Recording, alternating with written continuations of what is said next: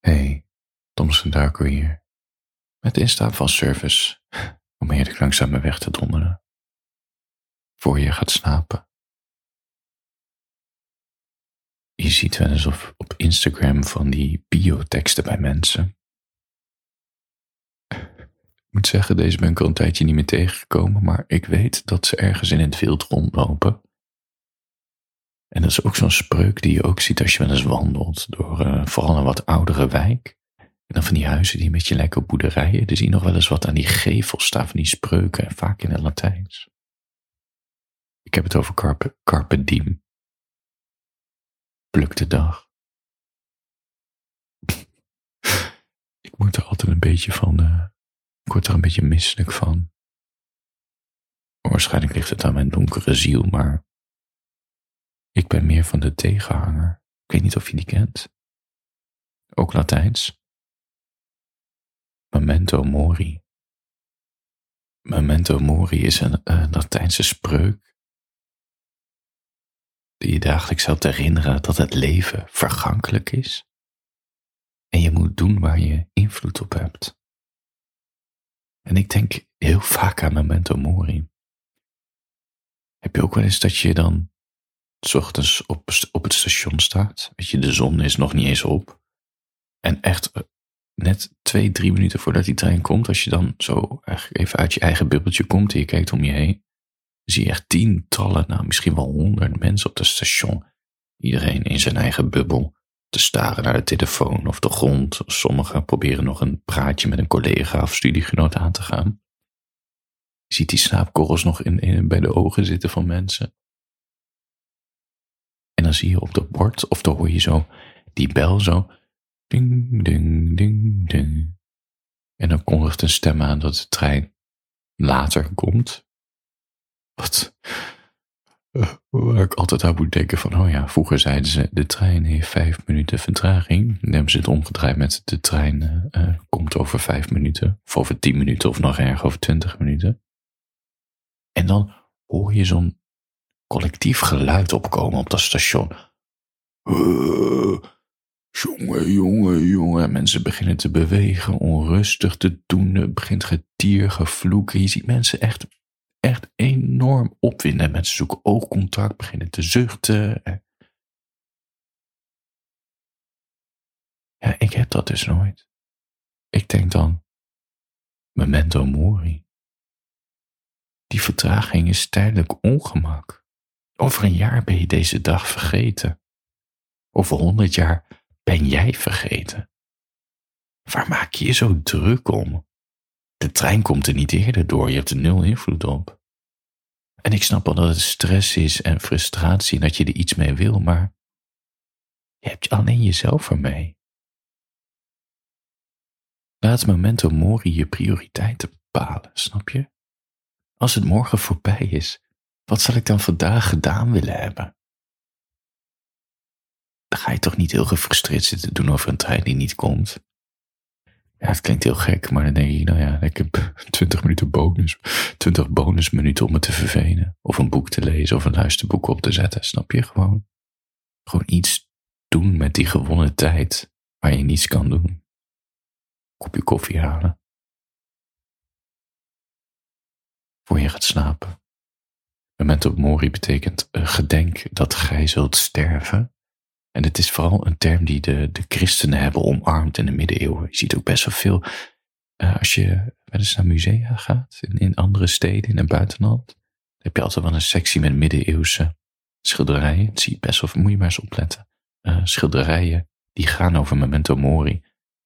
Je ziet een dooskolp of een kaars die brandt of een klok. Dat zijn allemaal symbolen om aan te geven, ja, gedenkt dat gij zult sterven.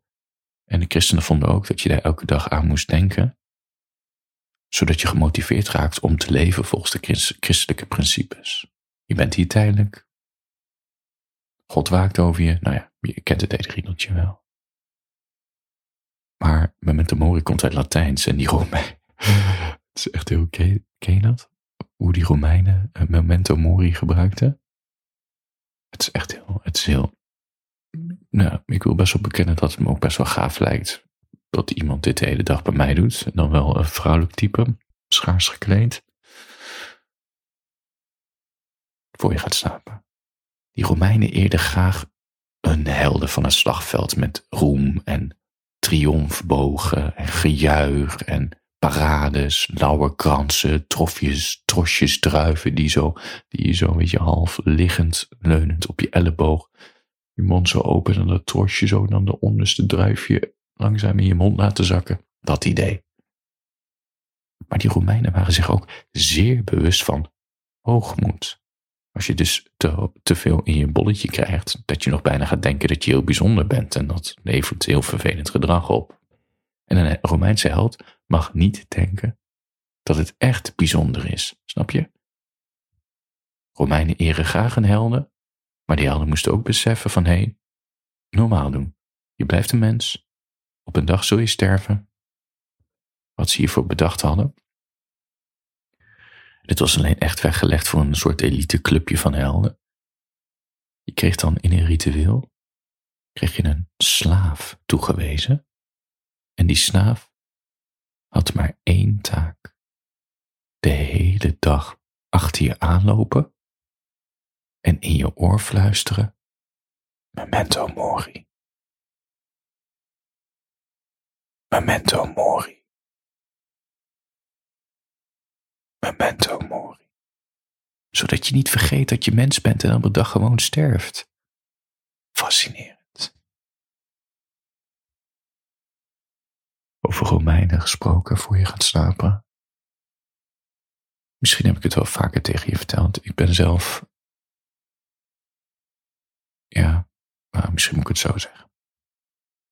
Ken je de, de je hebt nee, de beroemde Romeinse keizer. Echt heel veel keizers die de baas waren van het Romeinse Rijk, die waren echt waardeloos. Weet je, als de ene niet de Rome in de fik zette, dan waren de anderen wel bezig met alleen maar orgies of met zichzelf verrijken.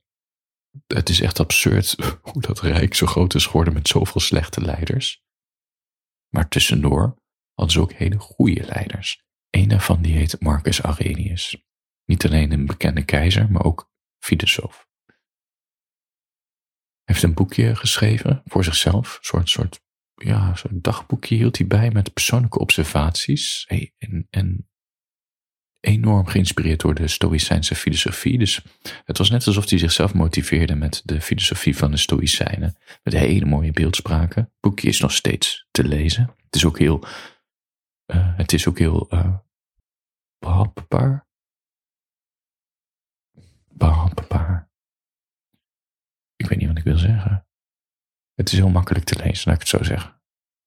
Het is, het is niet te ingewikkeld. Het is heel toegankelijk. En ik lees het, ik, sowieso minimaal één keer per jaar kijk ik er doorheen en dan blaad je door en dan kom je op passages en ja, de hart wordt weer vervoerd. En er zit zo'n mooie passage in dat boekje over de, over, ja, eigenlijk bijna een advies waarom je niet bang hoeft te zijn voor de dood. Zal ik het oplezen? Ik ga het gewoon even oplezen. Ook als je 3000 jaar zou leven, of zelfs 30.000, moet je toch wel bedenken dat iedereen alleen dat stukje van zijn leven verliest. Dat hij op dat moment leeft. En dat niemand een ander leven heeft dan het stukje dat hij verliest. Het langste leven komt dus op hetzelfde neer als het kortste. Het heden duurt namelijk voor iedereen even lang en dus is wat teloor gaat gelijk. Zo blijkt wat verloren wordt maar een ogenblik te zijn. Het verleden en de toekomst kun je immers niet verliezen. Want hoe zou iemand je kunnen afnemen wat je niet bezit? Wees je dus altijd bewust van deze twee dingen. Ten eerste, dat sinds het begin der tijden alles gelijkvormig is en zich steeds weer herhaalt. Het maakt dus niet uit of iemand hetzelfde schouwspel honderd jaar aanziet of tweehonderd of oneindig lang. Ten tweede, dat de alleroudste en het kind dat heel jong moet sterven, hetzelfde verliezen bij een dood. Ze worden namelijk alleen beroofd van het heden. Dat is het enige dat ze hebben. En wat iemand niet heeft, kan hij niet verliezen. Dit is toch, dit is, ik snap, ik snap niet zo goed waarom mensen zo, uh, dat sommige mensen bijna met afschuw zeggen van nee, ik lees niet. Dat er een plek op aarde bestaat? Met gevangen gedachtes van al die mensen die ooit geleefd hebben en iets voorstelden dat je dat gewoon in een middagje kan pakken en kan lezen. Dat ik gewoon de gedachtegangen van een Romeinse keizer die een heel rijk moest runnen, kan lezen met dit soort wijsheden. Dit, dit is toch. Dit is waarom ik elke keer opnieuw verliefd word op het lezen en op de Stoïcijnse filosofie. Dat je het verleden en de toekomst niet bezit. En dat je alleen het heden hebt en dat is ook het enige wat je verliest. Het is zo mooi. Memento mori, dit is echt duidelijk memento mori. Gedenk dat gij zult sterven. Gedenk dat de toekomst, dat je daar geen recht op hebt. Voor je gaat slapen. Wil ik het nog even hebben over Oliver Berkman. Hij is een journalist en hij is afgelopen jaren bekend geworden als een soort anti productiviteits, ja, goeroe wil ik het niet helemaal noemen, maar meer een soort, soort pleitbezorger van, weet je, doe even normaal met dat efficiënte productiviteitsgezeik. Hij heeft een boekje geschreven met een titel die al alles samenvat. Ik hou er enorm van titels die gewoon zeggen wat, wat, wat ze bedoelen. Een boekje heet 4000 Weeks, dus 4000 weken. Hij zegt dat we moeten ophouden met onze tijd zo efficiënt mogelijk inrichten we willen te veel doen en daardoor doen we te weinig en voelen we ons er schuldig over. Snap je? Dat, is echt, we zijn een, ja, maar dat heb ik ook in dat opzicht. We zijn echt een product van onze tijd. En zo'n boekje lezen besef je weer van, oh ja, dit is niet normaal. We voelen dit wel met z'n allen nu en we doen het met z'n allen, maar dit is niet, dit is niet heel, dit is niet hoe de mensen al duizenden jaren leven. Dat is onzin. Dit is echt iets van, van nu, van deze tijdsgeest. En hij drukt je dan ja, met de neus op de feiten. Dat deze levensstijl je niets oplevert. Je bereikt het walhalla van efficiëntie nooit. En het berooft je van wat er echt toe doet in het leven. Hij zegt juist, lummel wat aan, besteed meer tijd met je vrienden en familie. De creativiteit zit juist in, in de momenten dat je niets doet. Weet je, dat verhaal. Hij heeft een paar adviezen in zijn boek. En als ik het goed heb onthouden, uh, hij zegt bijvoorbeeld, hij zei, je kunt niet alles doen in het leven. Dus, dus stop met het efficiënt doen. Goeie. Hij zegt, maak keuzes. Dus kies gewoon voor twee of drie dingen waar je voor gaat in het leven. Hij zegt, stel ook grenzen om die keuzes die je hebt gemaakt te beschermen. Interessant. voor de mensen die moeilijk nee kunnen zeggen, zoals ik. Hij zegt, kap met je FOMO-gevoelens, dus uh, fear of missing out. Beperk afleiding. Nou ja, kijk maar naar je telefoon. Hij zegt ook, wees geduldig. En ik denk de meest treffende vond ik dat hij zegt, omarm de onzekerheid. Ja. Dat is natuurlijk een deel van het leven, maar wij mensen kunnen heel slecht tegen onzekerheid. We willen alles controleren. Terwijl onzekerheid is het leven. Het leven is ook en zijn laatste advies is: geniet wat je nu kan doen in plaats van je richten op later. En dat is een interessante gedachtegang. Hij zegt dus met al dat, weet je, onze tijd heel efficiënt inrichten en sporten en dan op die tijd dat doen en een planning maken, bla bla bla. We richten ons continu op een, laat, een later. Later ben ik echt fit, later ben ik gespierd.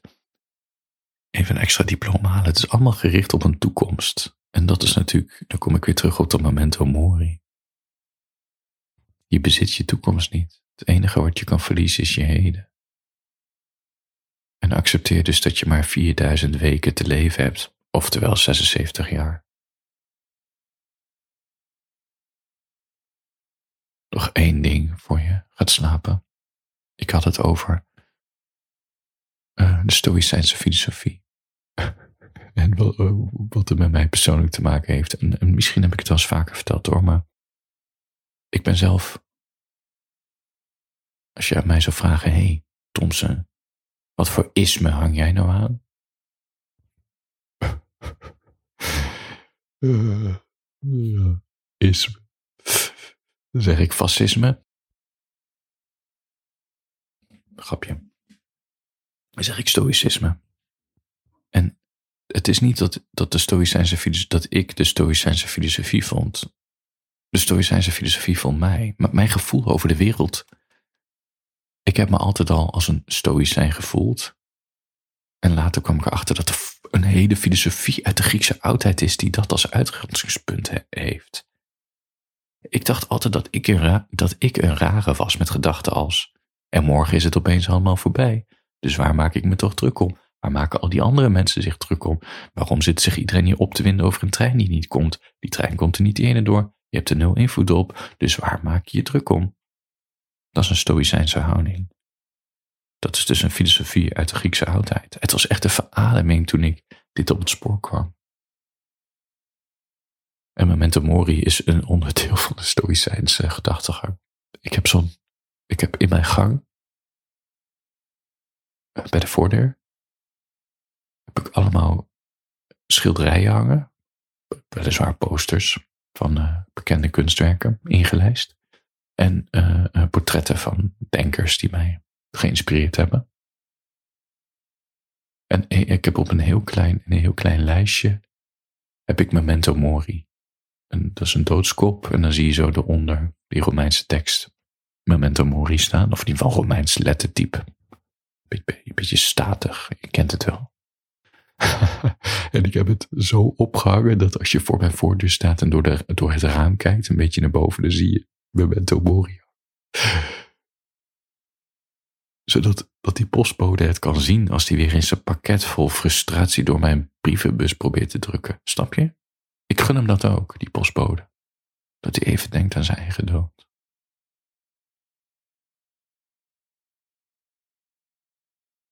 Maar serieus, het helpt mij enorm. Vooral als ik weer eens twijfel bij een keuze die ik moet maken. Of heel veel frustratie voel om even na te denken over dat ik over honderd jaar vergeten ben en over duizend jaar, ja, is waarschijnlijk mijn graf ook nog geruimd. Dus. en toen ik nog op kantoor werkte, zei ik regelmatig tegen collega's, vooral als een project weer eens voor geen meter liep: Jongens, op je begrafenis leest dus niemand je cv voor, hè? En ik zei dat in volle overtuiging en vaak had ik ook wel de lachers op mijn hand. Maar ik, ik meende dit ook echt. Het ontspant, in ieder geval het ontspant mijn geest, want veel van onze dagelijkse problemen doet er niet toe. En als je denkt aan je eigen sterfelijkheid, memento mori, dan besef je dat. Dus optieven met die carpe diem met pluk de dag, niet pluk de dag. Denk aan je eigen dood, dan ja, je wordt, je wordt er bijna blijer van. Omdat je dan meer in het nu zit. Snap je? Ik weet niet of ik dat snap, meer in het nu, maar het helpt me prioriteiten bepalen. Als je nog wakker bent, overweeg uh, om lid te worden van Darko Ziel van Saturnus. Vier spraakberichten per week. Uh, dit soort spraakberichten, maar dan langer meer in detail. Je krijgt ook maandag tot en met donderdag een mailtje van me. Korte teksten, lange teksten. En je steunt mijn kunst. Petjeaf.com slash Thompson Voor degene die luistert en al een abonnement heeft. Dankjewel. Je houdt me... Je houdt me levend. Ja. Ik moet erom lachen omdat ik aan Memento Mori denk. Staat lekker. Handjes boven de dekens.